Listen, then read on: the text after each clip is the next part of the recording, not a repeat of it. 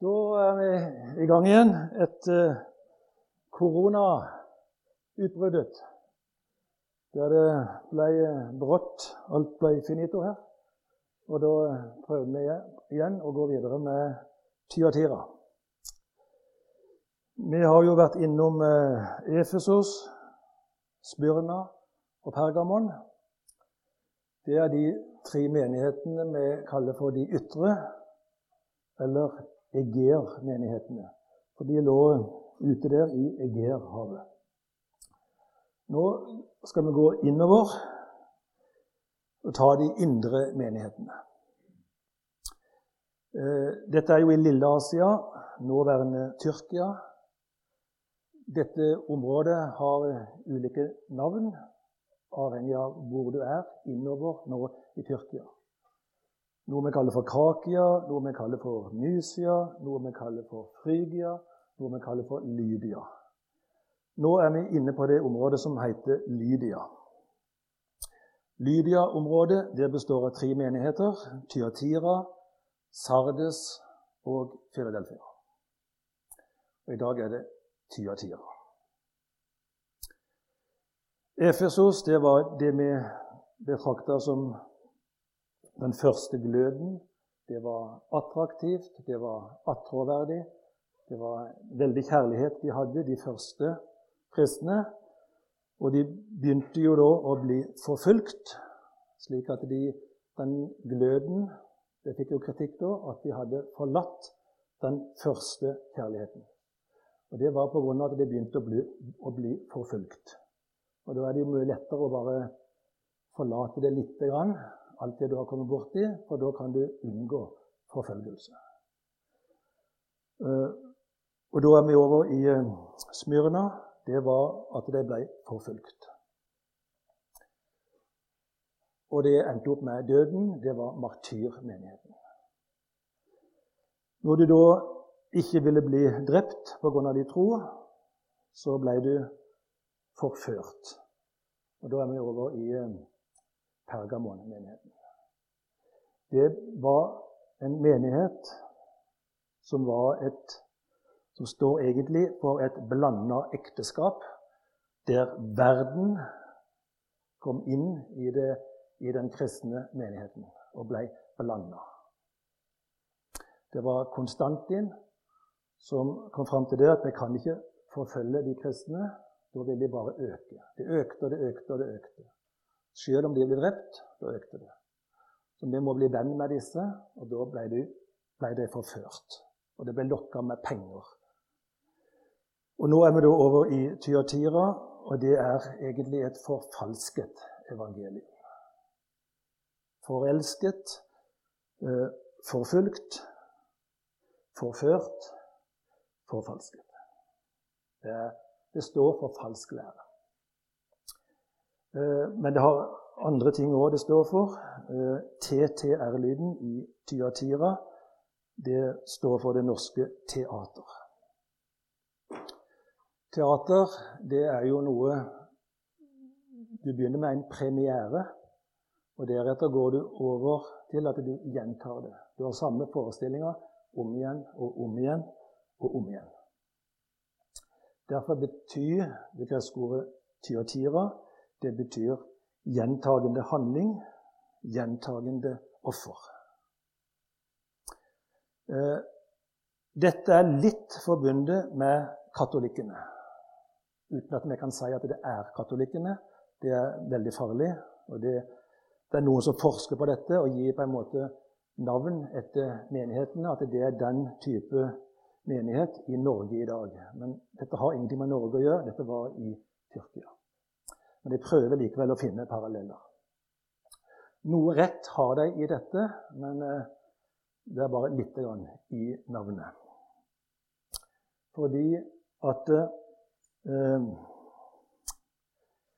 Tyatira, da, disse tror på en måte at eh, Gud han gjentar noe av det han har gjort. Det tror katolikkene. For når de går til nattverd, da tror de det at, at Jesus er til stede i vinen og i brødet. At han er fysisk til stede. De tror at, det, at det, den vinen de drikker Når jeg sier at dette er Jesu blod, så tror de at den vinen blir gjort til blod. Det er katolsk lære. Og Vi har jo noe av det i det lutherske òg. Eh, det er noe vi gjentar, fordi at det er vanskelig å forstå at det er fullbrakt på korset. Så har vi et behov for å gjenta noe om igjen. Eh, det er ikke rart at vi har det, for det er så vanskelig å begripe alt det som skjedde på korset. At du er, er rein. Tar du imot Jesus, da er du vaska rein i Jesu blod. Det er ikke noe du må trenge å gjøre om igjen og om igjen. Eh, nå går vi inn. kanskje kan ikke bruke tid på mer av dette. Vi må gå inn i Tyatira og ta dette nå eh, i kapittel 2, vers 18 i åpenbaringa, og ta det trinn for trinn her. For det er, en, det, er en, det er det lengste brevet, og det er egentlig veldig mye å si om dette. Så vi får, vi får prøve på det. Dere kjenner meg fra forrige gang, ikke sant? Det er bare må til. Eh, og jeg, skriver, jeg leser det da slik det står noenlunde, sjøl selv om det blir litt gebrokkent. 2.18. Og til engelen,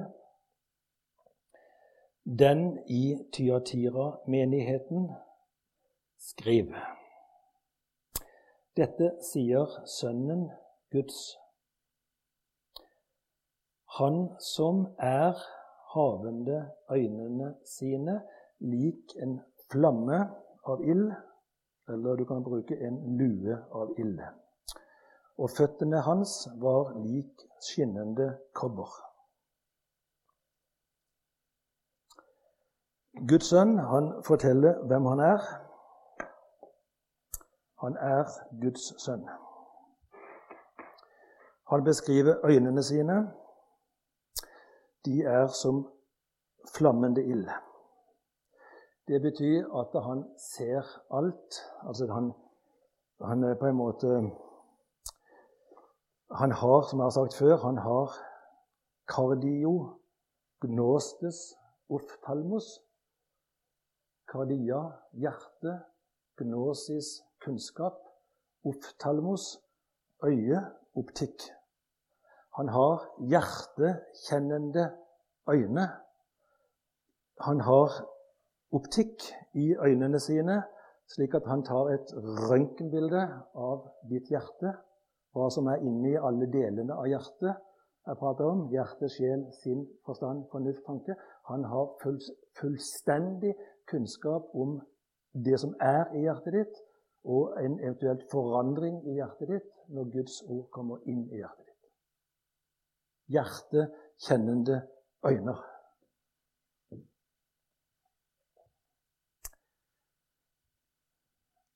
Hva han har føttene De eh, står at det var at uh, kobber Brukte vel det jeg sa.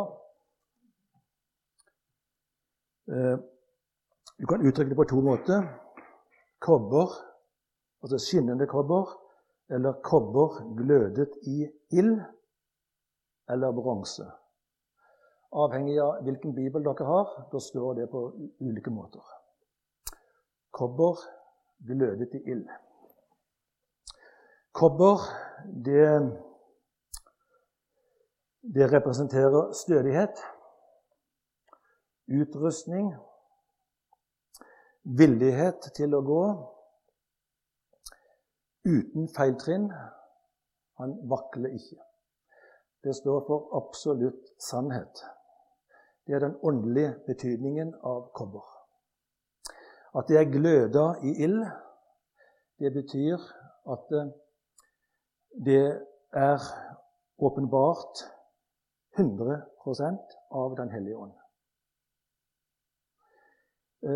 Kobber glødet i ild, og at det står bronse hos noen, det er en legering av kobber og tinn, og det blir bronse. Og legering av ordet, som han da er kobberet, han er ordet, legering av det og Den hellige ånd, det blir åpenbaring.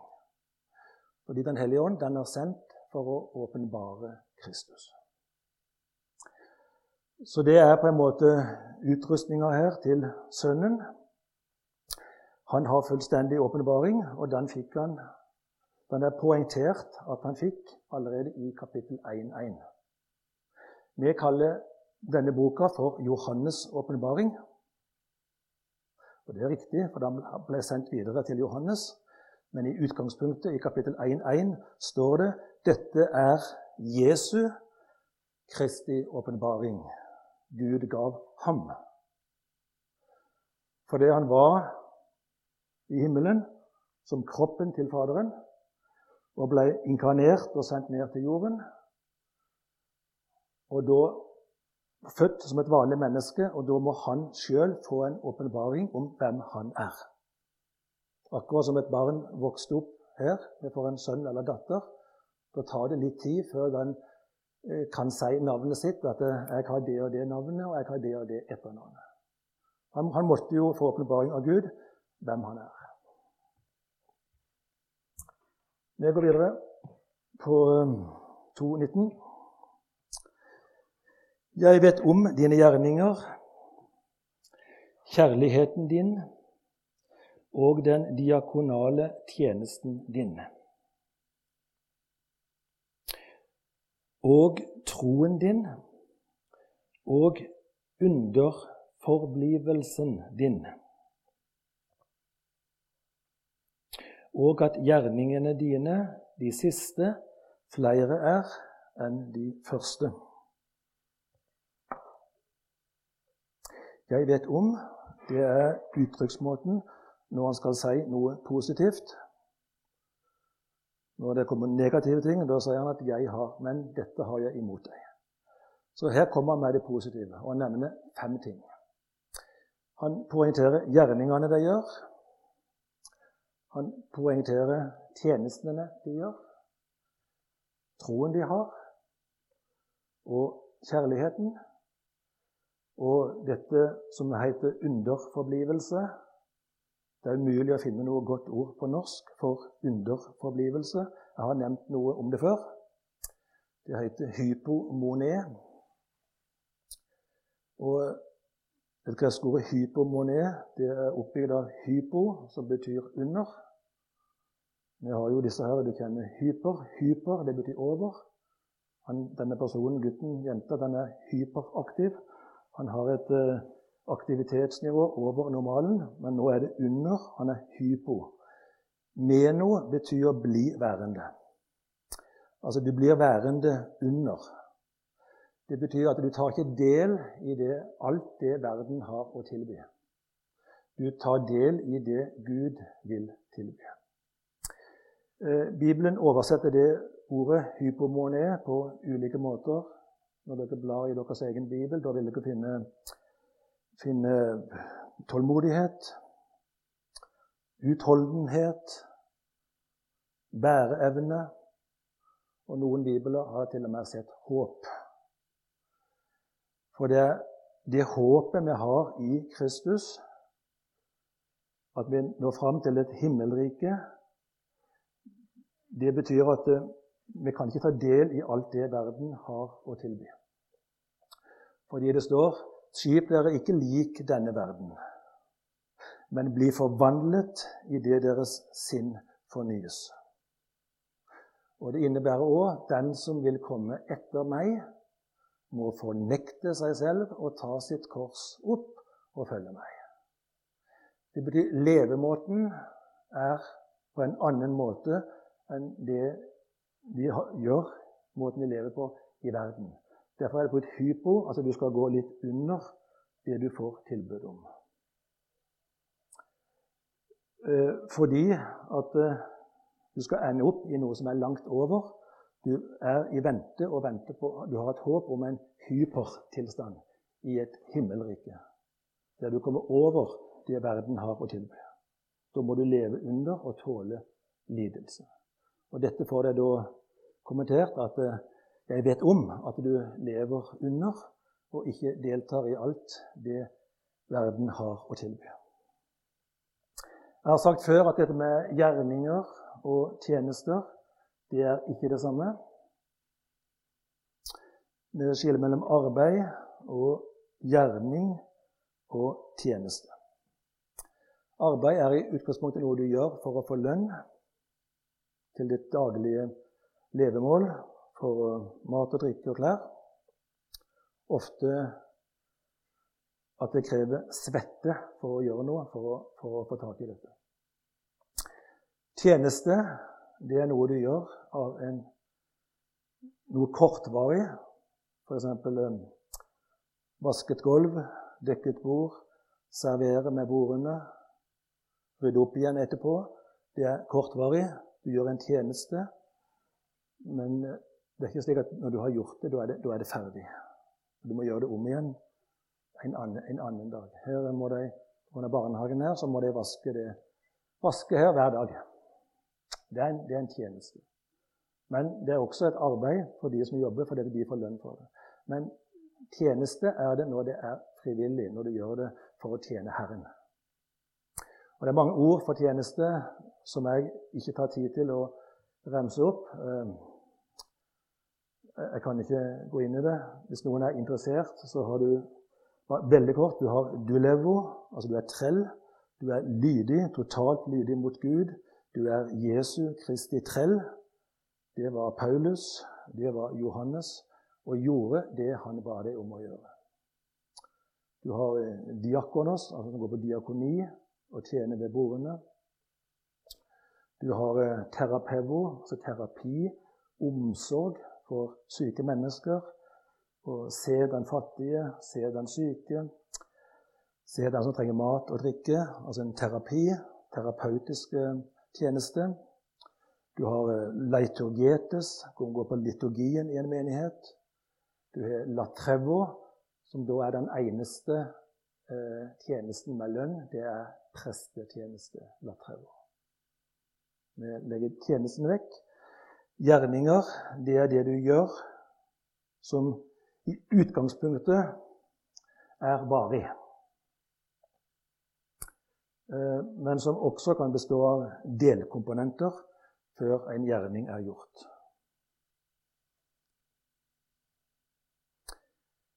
Du kan òg gjøre en gjerning samtidig som du gjør en tjeneste. For du kan utnytte den posisjonen og forkynne og tale Guds ord mens du gjør en tjeneste, slik at folk kan komme til tro. Og når du taler og gjør noe slik at folk kommer til tro, da er en, er det en gjerning.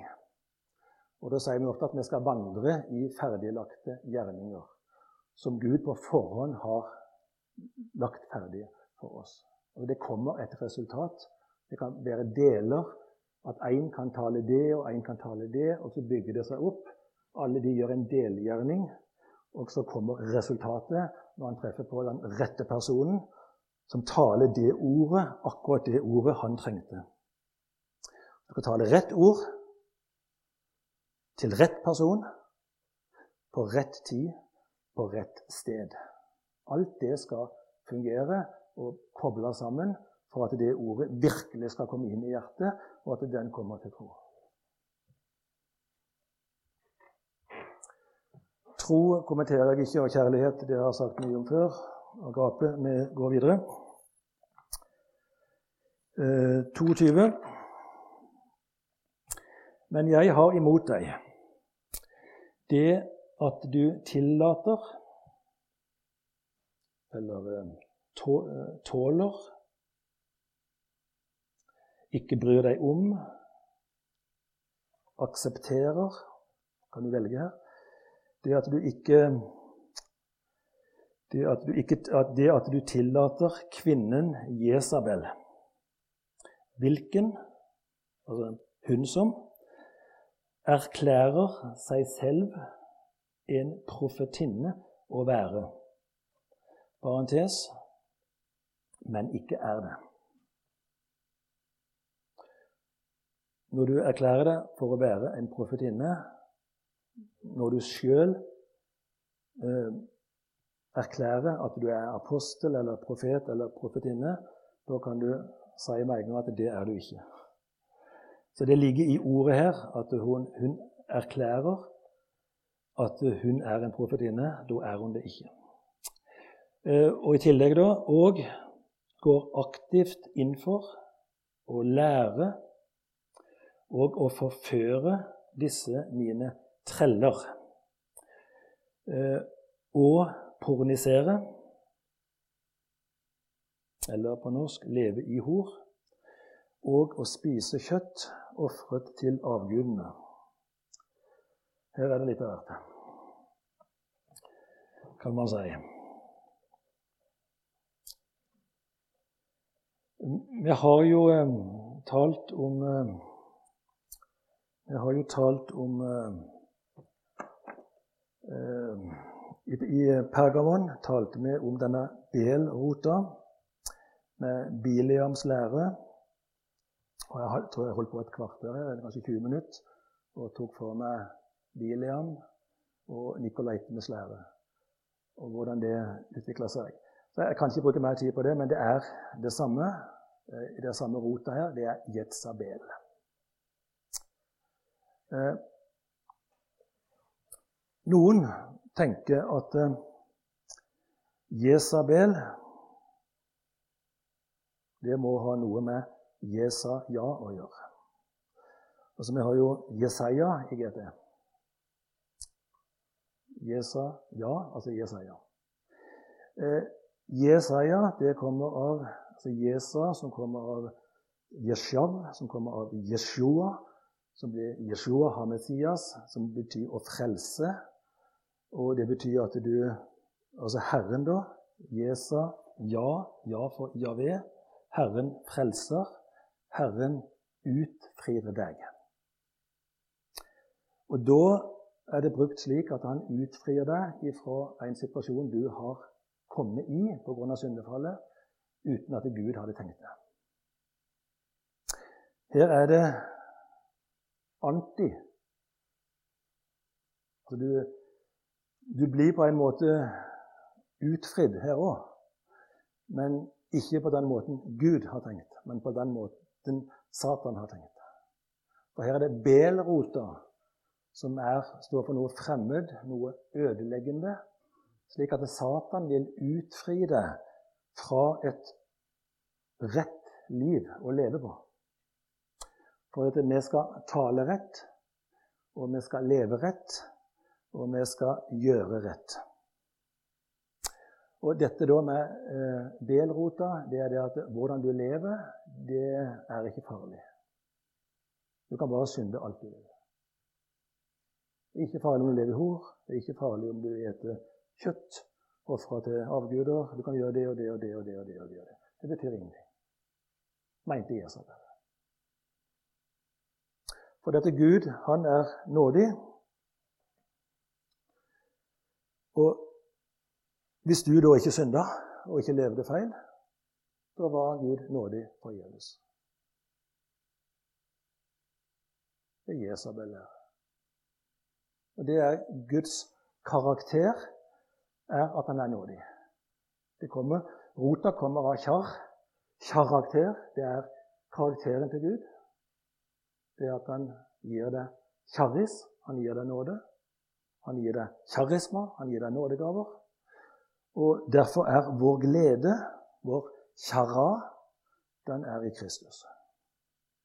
Du skal ikke ha de gledene verden har å tilby, men de gledene Kristus har å tilby. Og det er nåde.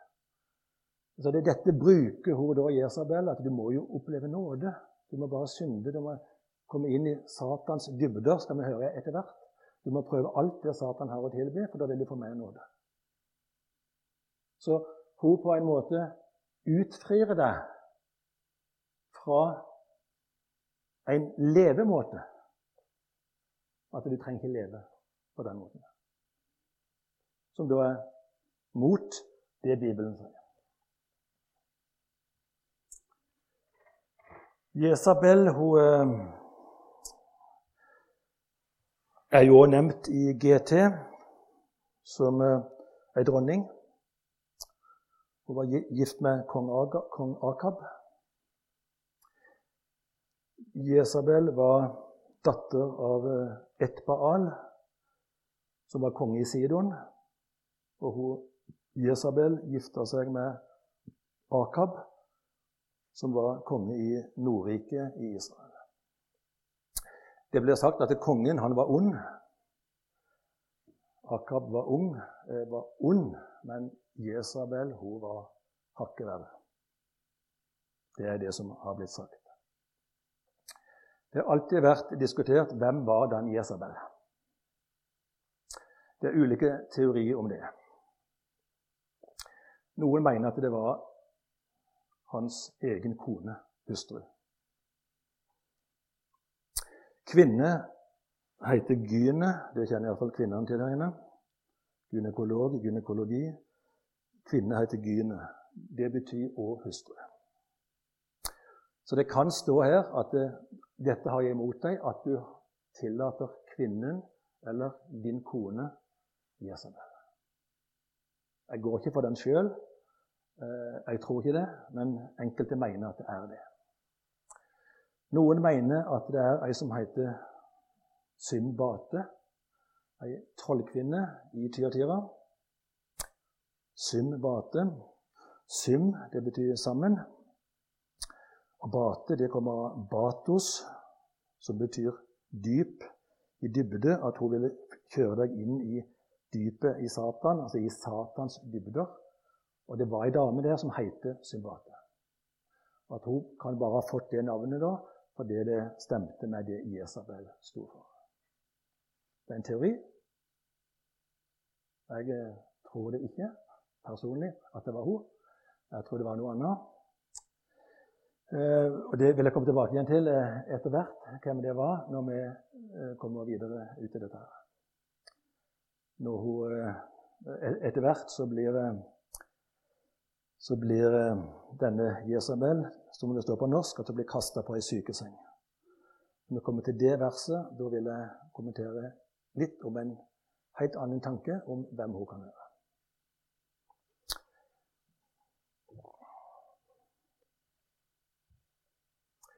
Hun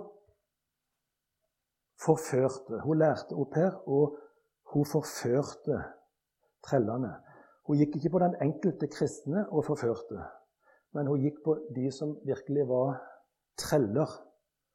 Som virkelig var til tro, og som gjorde et arbeid eller gjorde en tjeneste eller virkelig gjorde en gjerning. Det var de hun ville ta knekken på for å ødelegge den posisjonen. Eh, det å forføre, det heter plan A. Og en forførelse, det heter planet. Og Det betyr at Gud har en plan med ditt liv. Og Satan han vil innfor, han går inn for å ødelegge den planen Gud har med deg. Det heter forførelse, og det er ordet her plan. Og, og det er noe Gud planlegger nå. Han har en annen plan og han vil, vil forføre deg. Et ord som heter 'planetes'. og Det betyr vandrer. Vi som vandrere, omstreifere, vi som mennesker. Det heter 'planetes'. Og Det er samme ordet vi bruker på en planet som er i vårt solsystem. Som vi har en stjerne, sola vår, så har vi planeter som går rundt her. Samme skal Kristus være i sentrum. Og så skal menneskene da gå, uh, være i nærheten av ham. Spørsmålet er hvor langt ute du lever, eller hvor nærme du lever Kristus. Jo nærmere du lever Kristus, jo mer betyr han for deg, og jo mer åpenbaring for deg. Jo lenger vekke du lever, slik Satan vil, han, han vil føre deg utover i en annen planetbane, kort og godt. Derfor vet ikke om noen har hørt det, at vi, vi spør enkelte hvilken type kristen er du er du en Merkur-kristen, eller er du en Pluto-kristen? Og Da bruker vi disse planetene i solsystemet med Merkur Venus, jorden, Tellus, Merkur, Venus, jorden, Mars, asteroidebeltet, Jupiter, Saturn, Uranus, Neptun, Pluto. Pluto er ytterst. Er du en Pluto-kristen, da lever du langt vekke. Er du en Merko-kristen, da lever du i ordet. Og Jo lenger vekke du lever, jo lettere er du da for å komme inn i denne forførelsen og miste din posisjon i Kristus. Det er det Satan vil. Og Da er vi egentlig over etter hvert nå i Laudikea-perioden, der det er totalt sovna og bare komme lenger og lenger og lenger ut ifra det kristne livet. Der Gud ikke er i sentrum, men der mennesket er i sentrum. Mennesket, mennesket skal bestemme.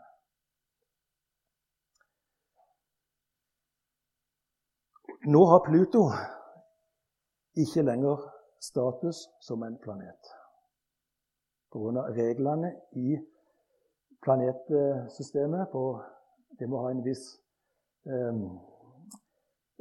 tetthet, en viss størrelse. De må ha en masse. De må være så og så store for å bli en planet. Og nå er den for liten. Det betyr at det, det står for et frafall. Akkurat som kristne kan falle fra, så har det skjedd òg i virkeligheten her med planeten. Så, så Satan han planlegger dette og får det utover. Og Det er det vi på norsk egentlig kaller for liberal teologi. Skal, ingenting er så nøye. Du kan leve som du vil. Vi er nå tross alt i 2020. Så det, det må vi bare godta. Eh, dette med hor eh, Hor det er både fysisk, altså det at du lever ut det der, og det er jo åndelig hor. Jeg har tatt egentlig det fysiske i, i, forrige. Nå vil jeg ta litt om det åndelige. på en måte. Det at du, Da er det egentlig alt det som har med synd å gjøre, som Satan prøver å få deg inn i. Dette ordet da, som er her, vi har brukt nå, det heter porneia. Porneia er ikke bare sjøl det å leve i hor i en fysisk tilstand, men det går egentlig ut på alle former for synd som drar deg ut ifra veien til det lovede land. Altså, du er på reise, akkurat som Abraham. Han forlot Ur i Kaldea til det lovede land. Så skal vi forlate verden og komme til et himmelrike. Vi er på reise, og det ble sagt før da at det, det blir kalt de kristne. De uh, hørte veien til. De var på reise og skulle gå på den veien der. Reise Hør noe interessant. Reise, det heter poreia. Poreia. Det å komme ut av veien, det heter porneia. Det er bare kom en N-lyd inni der. Når det kommer en innfiks ifra Gud, så er det en forsterkning som gjør det ekstra trygt, det gjør det ekstra bra. Når han kommer ifra Satan, så ser vi på det som et virus eller en bakterie som vil ødelegge din tro og rive deg ut. Og Her er det jo Satan som vil forføre deg ut i en, lenger, en planetbane lenger ute. Og han vil dra deg ut av veien du har bestemt deg å gå på. Poreia, veien. Porneia, komme i grøfta. Trø feil, komme utenfor veien. Den enden her i som er inn der, den ser ut på gresk som en V. Det betyr at det Satan gjør hele tida, han legger rett foran deg to muligheter. Han åpner for to veier. Du må hele tida gjøre et valg. Vil du følge den veien du har begynt på? Eller klarer jeg å få deg ut av den veien, ut på en annen vei, for å kapre deg tilbake igjen?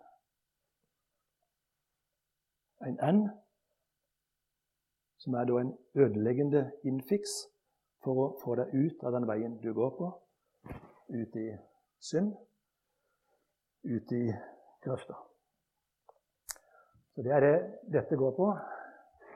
Dette er Bilian. Få deg ut i grøfta. Ikke, ikke, bare det i hor generelt, men alle former for synd.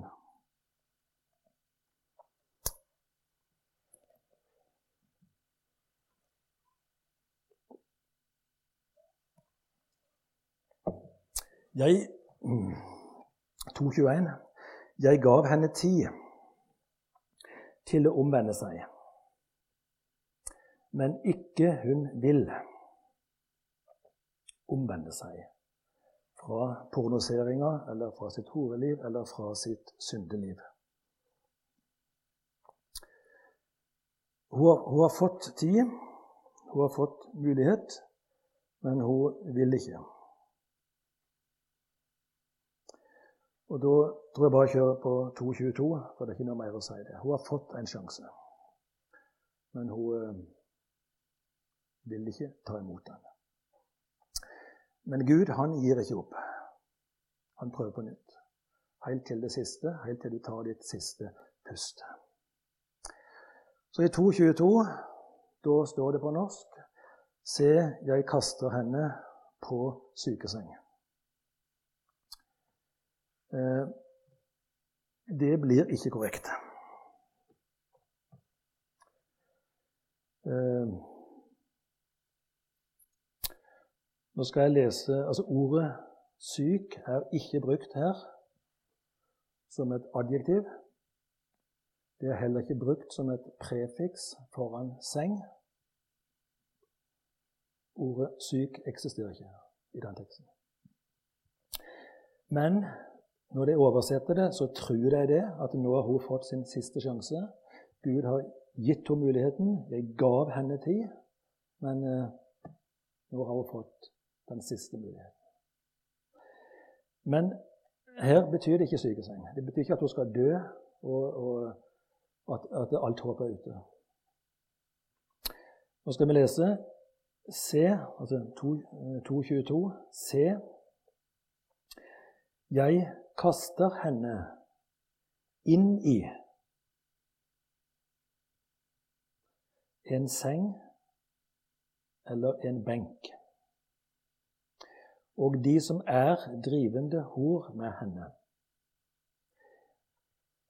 Det er partisipp.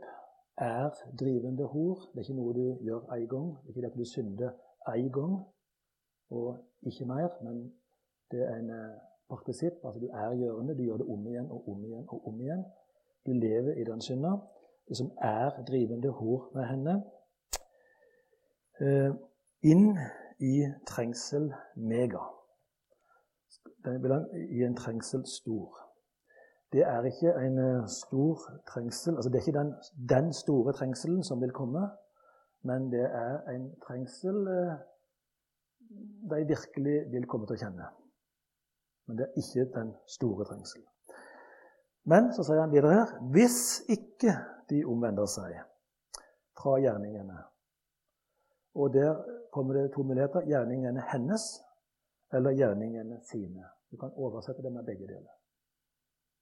Det er hun som står for tilbudet på gjerningen, men det er den andre som sier ja, så da blir det òg gjerningene sine, ikke bare gjerningene hennes.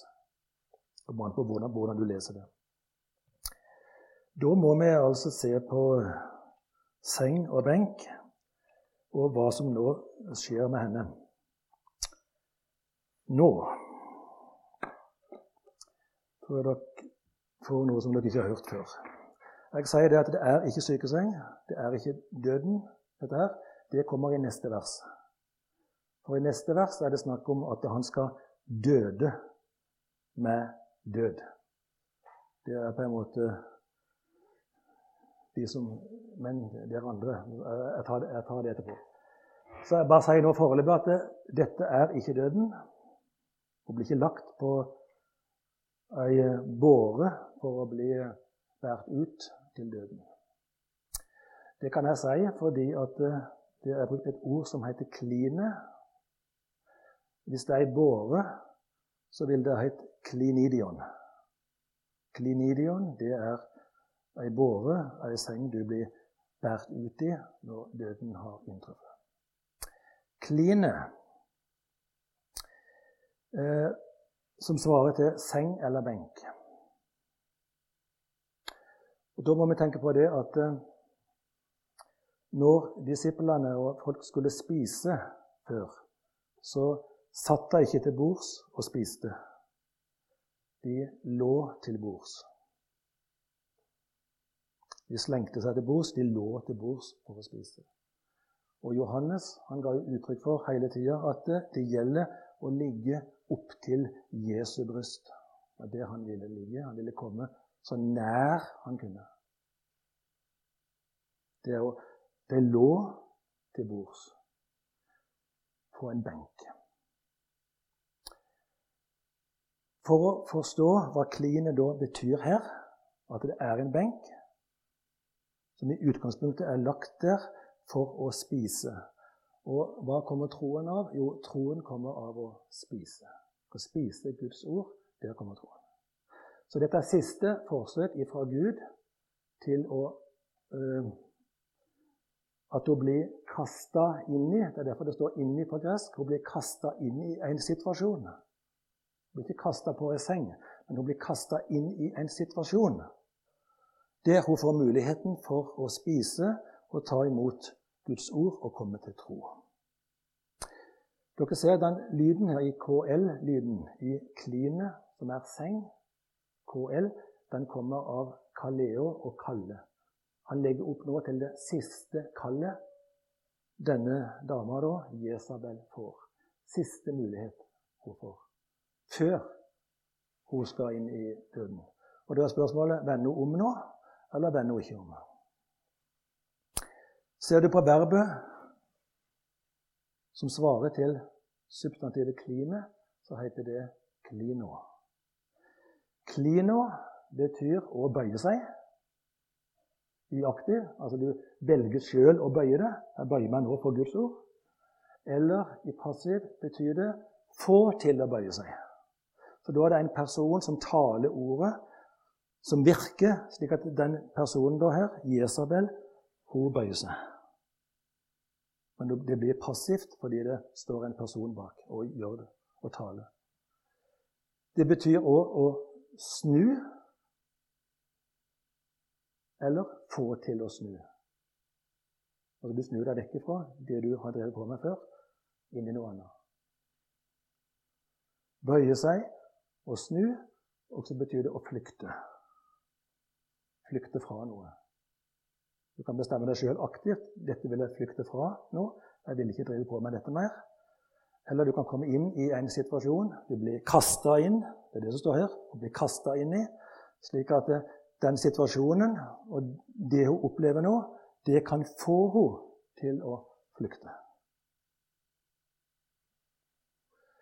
Så alle de tre betydningene av verbet det har vi et forsøk på å få henne til å bryte opp med det hun holder på med. Med andre ord komme inn i troa.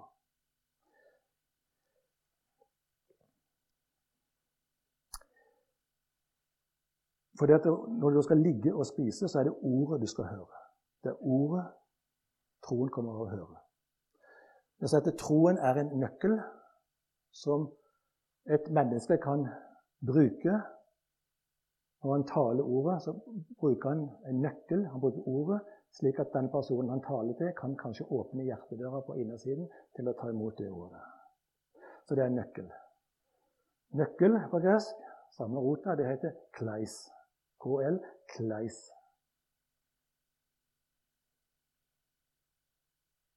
Det Gud vil, det er at du kommer til tro, at den nøkkelen virker, slik at du blir ei grein på treet, fordi Jesus han er treet, og vi er greinene.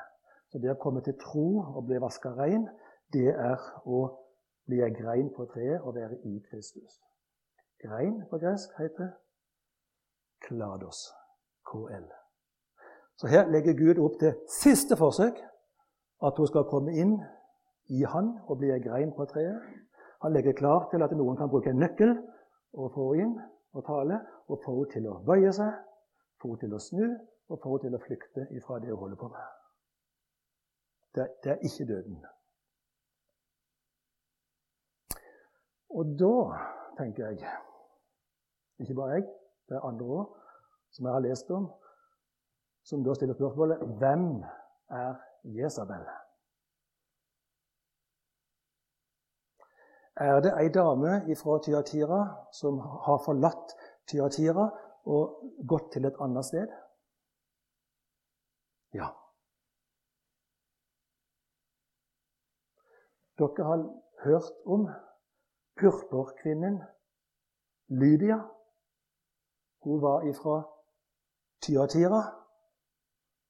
Og hun reiste ifra Tyatira og kom til Filippi. Og i Filippi, hvem traff hun der? Hun traff Paulus.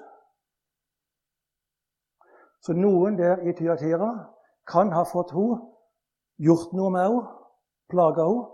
For det står her etter hvert nå at dere andre i Tyatira, dere som ikke står for denne læra, de kan ha gått til angrep mot henne. Så dette vil vi ikke ha. De kan ha plaga henne, de kan ha slått henne, de kan ha tvinga henne til å gå. Altså fått henne til å flykte. Og så har hun vært nødt til å flykte. Og det, det, Da blir hun kasta inn i en situasjon der ordet, nøkkelen, fra Paulus kan nå inn i sinnet, slik at hun kommer til tro og blir en klados og blir ei grein og blir redda. Så det kan være lydige.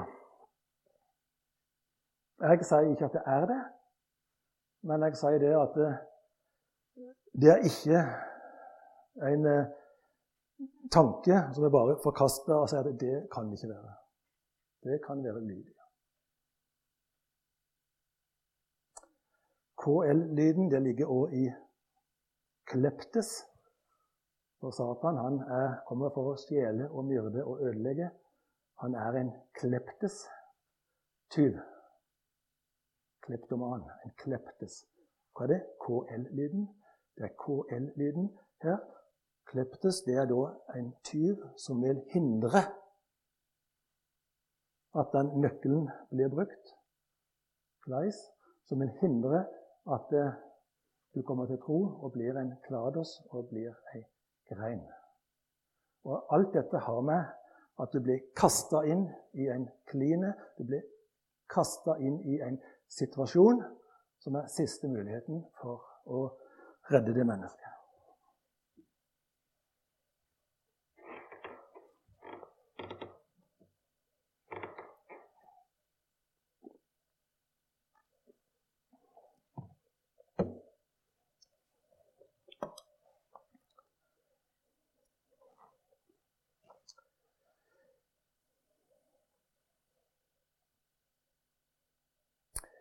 To 23. Og barna hennes vil jeg komme til å døde med død. Og vil komme til å vite, forstå, alle menighetene. Altså Alle menighetene vil komme til å vite og forstå at jeg er den som er granskende utforskende nyrer og hjerter, og jeg vil komme til å gi dere enhver etter gjerningene deres. Dette med å, at han gir igjen etter gjerningene, det har med lønn å gjøre. At vi får lønn etter de gjerningene vi gjør. Ikke etter tjenestene, men etter gjerningene. Eh, gjerningene du kan ikke bli frelst av gjerninger. Det er nåde alene. Men du skal vandre i ferdiglagte gjerninger. Det betyr at du skal gjøre gjerninger når du er frelst. En tro uten gjerninger er ei død tro. Men ei tro med gjerninger behøver ikke være levende. For det er to typer gjerninger. Det er noe vi kaller for ergon sarki. Ergon, det er gjerning. Det har du jo i ergoterapeut. Det er ergon betyr gjerning. Ergon sarki, det er de gjerningene som har med kjødet å gjøre. Sarki, altså det kommer av sarks, ditt kjød, din syndige natur. Det er sarkofag, altså likkiste, der vi legger de døde. Og de gjerningene du gjør i ditt kjød pga. din syndige natur, pga. din stolthet, de er, null, de er null verdt. Gud hater stolte øyne, og han står de stolte imot. Den andre gjerningene, de vi skal vandre i, det heter ergon pneumatikos. Pneuma det har med ånd å gjøre. Og du skal bli ledet av Den hellige ånd inn i ferdiglagte gjerninger. Ergon pneumatikos. Og gjør du de gjerningene, da er er det liv. De er ikke døde. Det var det med gjerningene. Og så har vi det med barna. Når det gjelder barna, da er det bare å si det at det, det blir annen generasjon. Det er de som eh, Jesabel har virka på og fått med seg i dette opplegget og kjører det samme løpet. Det er andre generasjonen. Og det er de han skal døde med død. Jeg har sagt før at det er to døder. To, det er den første død og den andre død. Og det ordet som er brukt her, det er den andre død. Apo kteino, ikke ana kteino, å dø ut her og ta ditt siste pust, men det at du dør en annen død og dør ut ifra et uh, evig liv sammen med Herren. Altså du kommer til helvete. Så, så de her, de uh, går det ikke helt bra med. Skal vite alle menigheten at jeg er den som uh, gransker nyrer og hjerter. Nyre og hjerte, har vi, den kombinasjonen har vi ikke hatt før. Jeg har snakket, talt mye om hjertet og delt inn over ulike navn her innover. Men nå nevner han nyrer. Han gransker nyrene. òg. og hva betyr det, da? Eh, går du inn på det fysiske her, så er nyrer det er jo noe som på en måte skiller ut avfallsstoffer. F.eks. Eh, urin. Det, og det å skille ut avfallsstoffer åndelig sett, det er å få ut det Satan har putta inn, og se på hvordan Guds ord har virka, altså ditt nye liv i Kristus. Og da er nyrene det er en hebraisk tankegang som ser på det ytre av hjertet etterpå at det har skjedd en forandring i hjertet. Vi sa jo hjerte, sjel, sinn, forstand, fornuft, tanke. Det innerste der, det er sinnet, nevs, noia, som består av forstand og fornuft, tanke. Og det utenfor da, det er dine følelser, altså ditt sjelelige liv. Hva du tenker, forstår, hva du føler og sånne ting. Så her står det for et mål. Han måler på en måte forandringer i din levemåte. Altså hvilke følelser du har overfor andre mennesker.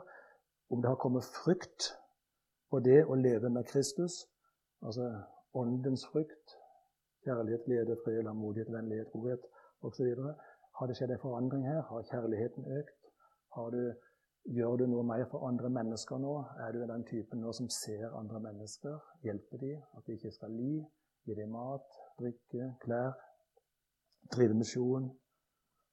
Eh, prikk, virkninga av Guds ord. Det er over, egentlig over på barmhjertighet. Barmhjertighet og rettferdighet hører sammen, akkurat som tro og gjerninger. En tro uten gjerninger er en død tro. En rettferdighet uten barmhjertighet er en død, er en død rettferdighet. Det er, er tanken i, i, GT. Så når Abraham trodde Gud, og det ble regnet han til rettferdighet, så måler han på en måte barmhjertigheten som kom ut av den rettferdigheten. Han regnet han.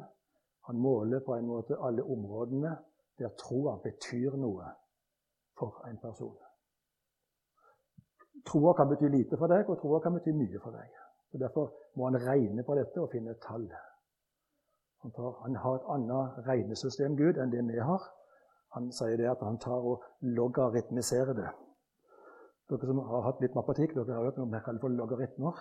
Logaritmer vi måler et tall ut ifra en ny tanke. At det er fylt i lengde og i bredde og i høyde. Så logaritmen til 10, den er 1. Logaritmen til 100, altså 10 ganger 10, den er 2. Logaritmen til 1000, 10 ganger 10 ganger 10, den er 3, osv. Det er det vi bruker når vi måler jord, jordskjelv på Richter skala. Så måler på en måte kraften i, i dette her, hvor mye det har virka. Og, og samme her måler Gud da. Han måler hvor mange områder betyr troa noe for deg. Så han legger sammen sånne småtall på hvilke områder troa betydde noe for en person. Og Da sier han det at han ble regnet til rettferdighet fordi han hadde altså troa Det hadde skjedd noe med nyrene på en måte, slik at det, det var en forandring. Slik at han trodde det har betydning, det har betydning for livet, det har betydning, det har betydning. Så måler han da et tall, og så ble han regna rettferdig. Primært ut ifra det at han hadde fått en barmhjertighet som viste at han var rettferdig, og det hadde skjedd noe med ham.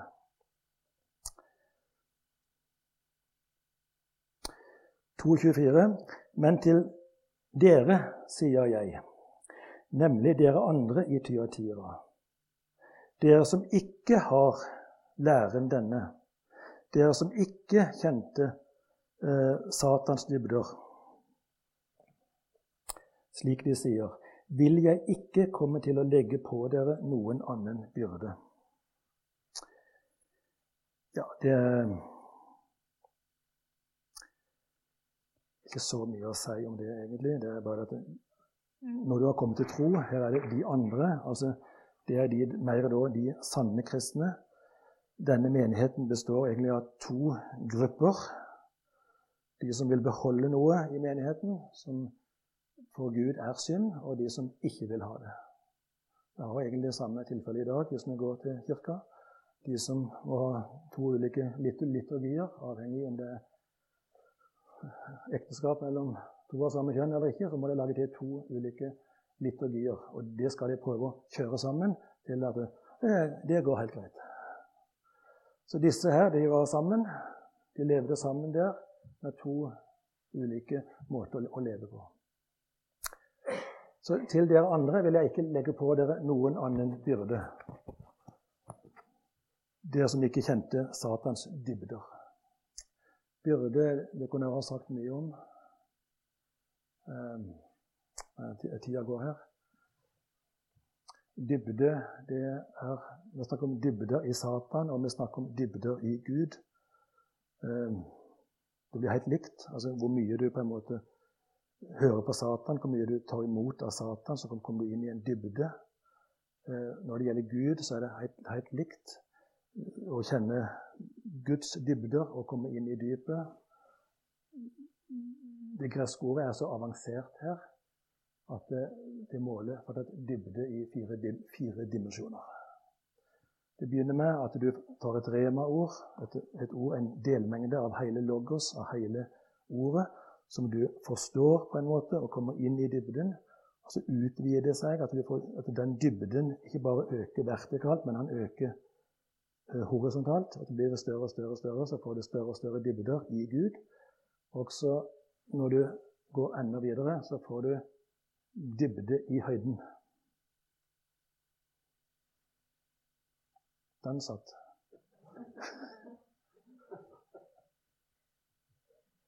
Vi kaller det negativ dybde, positiv høyde. For jo mer du er inne i ordet og jobber med det, så vil Den hellige ånd åpenbare noe for deg. Og Åpenbaringen kommer ifra, ifra, himmelen. Der er det på en måte apokalypse. Der er det skjult. Ka kalypse, det er noe skjult, som du kan kalle ned, som Gud med Den hellige ånd vil åpenbare for deg. Når du går inn i ordet, så kommer du inn i dypet i ordet, og så utvider det seg, så får du dybde. Du, får, altså, du ser enda mer av ordet. Også når du har sett mye, da, så får du altså dybde oppover i åpenbaringa fra himmelen. Og Derfor snakker vi av og til i Bibelen at det, det gjelder å se. Du skal se og forstå lengde, bredde, høyde, dybde. Det er fire dimensjoner. Samme er det her med Satan. Du skal gå inn her i dybden og bli kjent på alle mulige områder.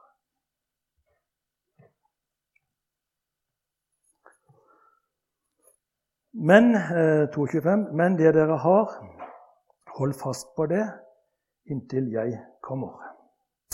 Da er det bare en oppfordring til at dere må ikke gå over i den andre fløyen, i den andre gjengen her. Dere må holde fast på det dere har, på den læra, det dere står for, og kjøre videre på det og ikke miste det.